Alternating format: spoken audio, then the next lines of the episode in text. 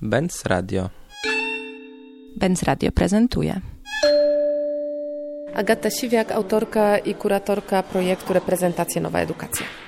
Projekt jest realizowany w ramach Biennale Warszawa od y, lipca 2018 roku. Reprezentacje miały być takim utopijnym hiperparlamentem, do którego zapraszamy rozmaite grupy ludzi, które właściwie nie mają swojej dość silnej reprezentacji w społeczeństwie. Pierwszą grupą, którą zdecydowałam się zaprosić są dzieci, mając poczucie, że ich prawa są nieustająco łamane, że ich głos jest słabo słyszalny, zarówno Y, w debacie politycznej, jak i w debacie dotyczącą e, w ogóle praw rozmaitych społeczności. Dlatego też do tego projektu zostały zaproszone między innymi dzieci z domu dziecka i dzieci z ośrodka dla uchodźców, to się nazywa Ośrodek dla Cudzoziemców Mieszkających w Polsce, na targówku fabrycznym, gdzie mieszkają matki z dziećmi, ale też młodzież. Miała być to młodzież z Bemowa. Okazało się, że właściwie e, tutaj naszym partnerem był wspaniały Dom Kultury, to się nazywa Centrum Kultury na Bemowie. Natomiast okazało się, że nie przyjechał nikt z Bemowa, tylko przyjechali młodzi ludzie właściwie z całej Polski e, i z Warszawy. I twórcy, których zaprosiliśmy to na Bemowie Siksa, taki pankowy e, kolektyw, który stworzył projekt 10 e, dni gniewu i miłości. Ja mam takie absolutne poczucie, że opór, a jednocześnie miłość i troska jest tym, co powinno być budulcem demokratycznego społeczeństwa. Z kolei w ośrodku dla cudzoziemców pracowała Kaja Kołodziejczyk, choreografka i tancerka, bo bo jak wiadomo w, w tym ośrodku dzieci posługują się różnymi językami, więc wydało, wydawało mi się, że ciało, język ciała, który bardzo wiele może zrobić dla budowania relacji, e, jest takim językiem najbardziej uniwersalnym. Natomiast w Domu Dziecka pracowała Ania Smolar, Michał Buszewicz, Rafał Paradowski, jakby całe grono artystów, którzy tworzyli spektakl metodami korczakowskimi. Znaczy troszkę na przekór temu, co panuje w teatrze repertuarowym, gdzie taką absolutną władzę dzierży reżyser, tam wszystkie e, decyzje były podejmowane kolektywnie. No i kolejny projekt, który właściwie będzie finalizował e, ten e, nasz rok pracy. Mówię o tym, że rok dla mnie jest bardzo ważny, że jeżeli wchodzimy w jakiś proces społeczny, to on trwa plus minus co najmniej, nie wiem, pół roku, rok, oczywiście może dłużej. Nie znoszę takich krótkotrwałych, spadochroniarskich projektów, chyba że zasady są od początku do końca ustalone, że jest to taka krótka przygoda. Natomiast mnie bardzo interesuje ta procesualność. Mówiąc właśnie o tym y, finałowym projekcie, ja sobie wymyśliłam coś takiego, że badacz architektury, designu i architekt, tą badaczką właściwie jest y, Agata Kiedrowicz, kuratorka designu, ale też artystka, filozofka i Maciej Siuda, bardzo dobrze znany znany warszawiakom, architekt chociażby z takiego projektu jak Warszawa w budowie, ale też twórca, który robi niesamowite projekty na całym świecie. Na przykład na zdegradowanych przez żywioł terenach na Haiti zaprojektował szkołę. W tej chwili projektuje szkołę w Nairobi, ale też na warszawskim Ursynowie. Są to takie szkoły, które prowokują bardzo demokratyczne relacje y, między uczniami właściwie ta demokracja, która jest właściwie takim marzeniem i, i bardzo bliska jest mi idea Derrida, że demokracja nigdy nie może nadejść, ponieważ jak my stwierdzimy, że ona właśnie nadeszła, to przestajemy pracować na jej rzecz. Znaczy zaczynamy wytwarzać jakieś relacje władzy, takie bardzo właśnie opresyjne w tym naszym dobrym samopoczuciu. No i właśnie, Siuda Kiedrowicz i współpracujące z nimi edukatorki z Centrum Sztuki Współczesnej Zamek Ujazdowski poprosiłam ich o stworzenie takiej dziecięcej instytucji spraw publicznych. Im dłużej pracowaliśmy nad tym projektem, tym bardziej e, stwierdzaliśmy, że jest jakiś błąd. E, to znaczy, że ten język, instytucja, sprawy publiczne, i miałam też taki pomysł, żeby tam w ogóle zafunkcjonował, nie wiem, sąd, inspirując się bardzo mocno Korczakiem. Ale właściwie nigdy na warsztatach nie padły te słowa, jak instytucja spraw dziecięcych. Ja zrozumiałam bardzo szybko, że to jest takie kolonializowanie dzieci własnym językiem władzy i instytucji. I oczywiście wszystko, co jest stworzone w takim procesie społecznym, gdzie młodzi ludzie mają się spotykać, bo to miała być instytucja im dedykowana, mówię instytucja, ale dzieci tego słowa nigdy nie użyły, właściwie w rozumieniu nas dorosłych wytwarza pewien model instytucjonalny. Dzieci i młodzi ludzie nazwali tę przestrzeń przestrzenią bez końca. Dla mnie ta nazwa jest bardzo ciekawa, bo co to dzisiaj znaczy? Znaczy, na przykład, co to znaczy w kontekście ekologii? Znaczy, jeżeli my, dorośli, nie zmienimy czegoś, to te dzieci nie dożyją swojej dojrzałości. Znaczy jesteśmy w takim momencie, tak? Także ta przestrzeń bez końca jest jakaś bardzo mocna. Czym jest ta przestrzeń bez końca w kontekście dzieci, które urodziły się w krajach, y, gdzie jest wojna, w krajach konfliktu. Z tymi dziećmi pracujemy. To są mieszkańcy ośrodka dla uchodźców. To znaczy, y, czy jesteśmy w stanie wytworzyć takie społeczeństwo, i taki świat, żeby ich marzenia, ich potrzeby nie miały takiego horyzontu, który jest zdeterminowany właśnie przez miejsce, z którego pochodzą. Podobnie jest z dziećmi z domu dziecka. Więc oczywiście marzy nam się taki świat, w którym te możliwości są nieograniczone. Przestrzeń bez końca to jeszcze jedna kwestia. My bardzo łatwo wpadamy w taką pułapkę pewnego fiksowania rzeczywistości i na poziomie takim fizycznym, że jakby wiemy, jak wyglądają nasze urzędy. Wiemy, jak wyglądają nasze sądy, wiemy, jak wyglądają szkoły, a wyglądają jak kaplice kościelne, jak kościoły. Znaczy mamy tę ambonę nauczycielską i mamy te ławki, a my chcemy, żeby ta przestrzeń stworzona przez dzieci, właściwie dzieci same to wyraziły, była modyfikowalna. To znaczy każda grupa właściwie ma szansę zmienić relacje w tej przestrzeni i zmienić tym samym pewien układ polityczny, tak? Bo właściwie każda relacja społeczna jest też w jakimś sensie polityczna.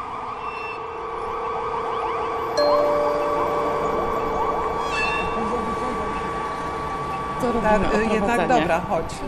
Z której strony zaczynamy? E, możemy tu od wejścia? Agata Kiedrowicz, projektantka i kuratorka.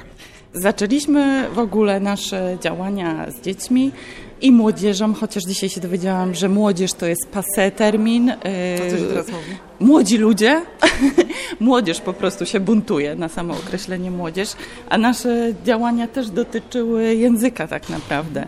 Pierwszy był spacer architektoniczny, e, który odbyliśmy ze wszystkimi uczestnikami i z Maćkiem Siudą i w związku z tym, że jakby zdefiniowaliśmy sobie od początku naszą pracę, że pracujemy na jakimś zastanym obiekcie, na powiedzmy pustostanie, e, na jakimś budynku, który nie działa, ale my go przywracamy do życia i adaptujemy na potrzeby Biennale i na potrzeby naszego projektu, aby e, tam właśnie zaistniały te potrzeby dzieci i marzenia co do właśnie przestrzeni bez końca, jak została nazwana przez dzieci. Więc zaczęliśmy taki spacer, mapując takie bardzo nieoczywiste miejsca, ucząc się trochę wzajemnie siebie, ale też dzieciom pokazując, na czym w ogóle polega architektura i że ona może być architekturą, która wypełnia pustkę, co można zrobić ciekawego z pustym budynkiem. Dzieci miały tak kapitalne spostrzeżenia, przechodziliśmy koło skłotu na Wilczej i po prostu od tak pojawiła się w dzieciach potrzeba nazwania tego miejsca jako wytatuowany budynek, bo on jest pokryty graffiti. I spisywaliśmy sobie te wszystkie miejsca, zatrzymując się, e, rozmawiając o potencjale, na przykład też obiektów takich w przestrzeni, które znajdowaliśmy, typu e, rzucony materac na śmietniku. Co można z tym zrobić? Albo domki dla pszczół na Jazdowie. No i te projekty, których mhm. tutaj modele, rozumiem, czy jakieś takie tak. pamięciowe y, ustawienia tak, tak, tak. można oglądać w przestrzeni ekspozycyjnej mhm. Biennale Warszawa. Opowiedz trochę, z jakich materiałów korzystaliście? Co było dla Was takim budulcem tej zmaterializowanej wyobraźni przestrzennej, mhm. którą rozumiem, że chcieliście uruchomić Dokładnie, w tak. uczestnikach tych mhm. warsztatów? Makiety tak naprawdę były trzecim etapem naszej pracy, bo pierwszy, pierwszy spacer, czyli rozbudzenie takiej w ogóle percepcji na relację człowiek-przestrzeń, drugi warsztaty i najpierw tworzyliśmy sobie takie mapy powiązań, czyli dzieci w parach rozmawiały ze sobą, robiły takie mini wywiady i potem opowiadały o sobie nawzajem. I potem rysowaliśmy tutaj pomiędzy sobą e, strzałki, połączenia, e, co kto lubi e, i to było bardzo, bardzo potrzebne i sobie to wisiało zawsze w tle na ścianie, było takim backgroundem naszej pracy, tak? Czyli zmapowaliśmy, że ważne są dla nas relacje z, z rodziną. Ważne dla dzieci okazało się zwierzęta, rośliny w przestrzeni. Bardzo im tego brakowało. A powiedz, y, podsumowująca mhm. prezentacja tego waszego całego procesu, mhm. ona jest zaplanowana na ten rok jako jeden z głównych punktów Biennale Warszawa. Tak. Gdzie się to będzie odbywało i kiedy? Na pewno wiosną, na przełomie maja i czerwca, czyli prawie już latem. I to będzie w ten sposób, że w tej przestrzeni, którą właśnie zaprojektujemy razem z dziećmi, ona będzie pełnić po pierwsze funkcję formy 3D, tak, werbalizacji tych wszystkich potrzeb i marzeń. Po drugie, będzie też przestrzenią taką wystawienniczą, w której zaistnieją inne projekty teatralny, performatywny, które y, inni artyści w ramach reprezentacji tworzą właśnie z tymi samymi grupami dzieci. Więc y, zapraszamy bardzo serdecznie. Prawdopodobnie odbędzie się to w przestrzeni szkoły na Skaryszewskiej 8. Jutro idziemy oglądać tę przestrzeń. Podobno jest wspaniała, z ogromnym potencjałem, więc y, nie mogę się doczekać wizyty.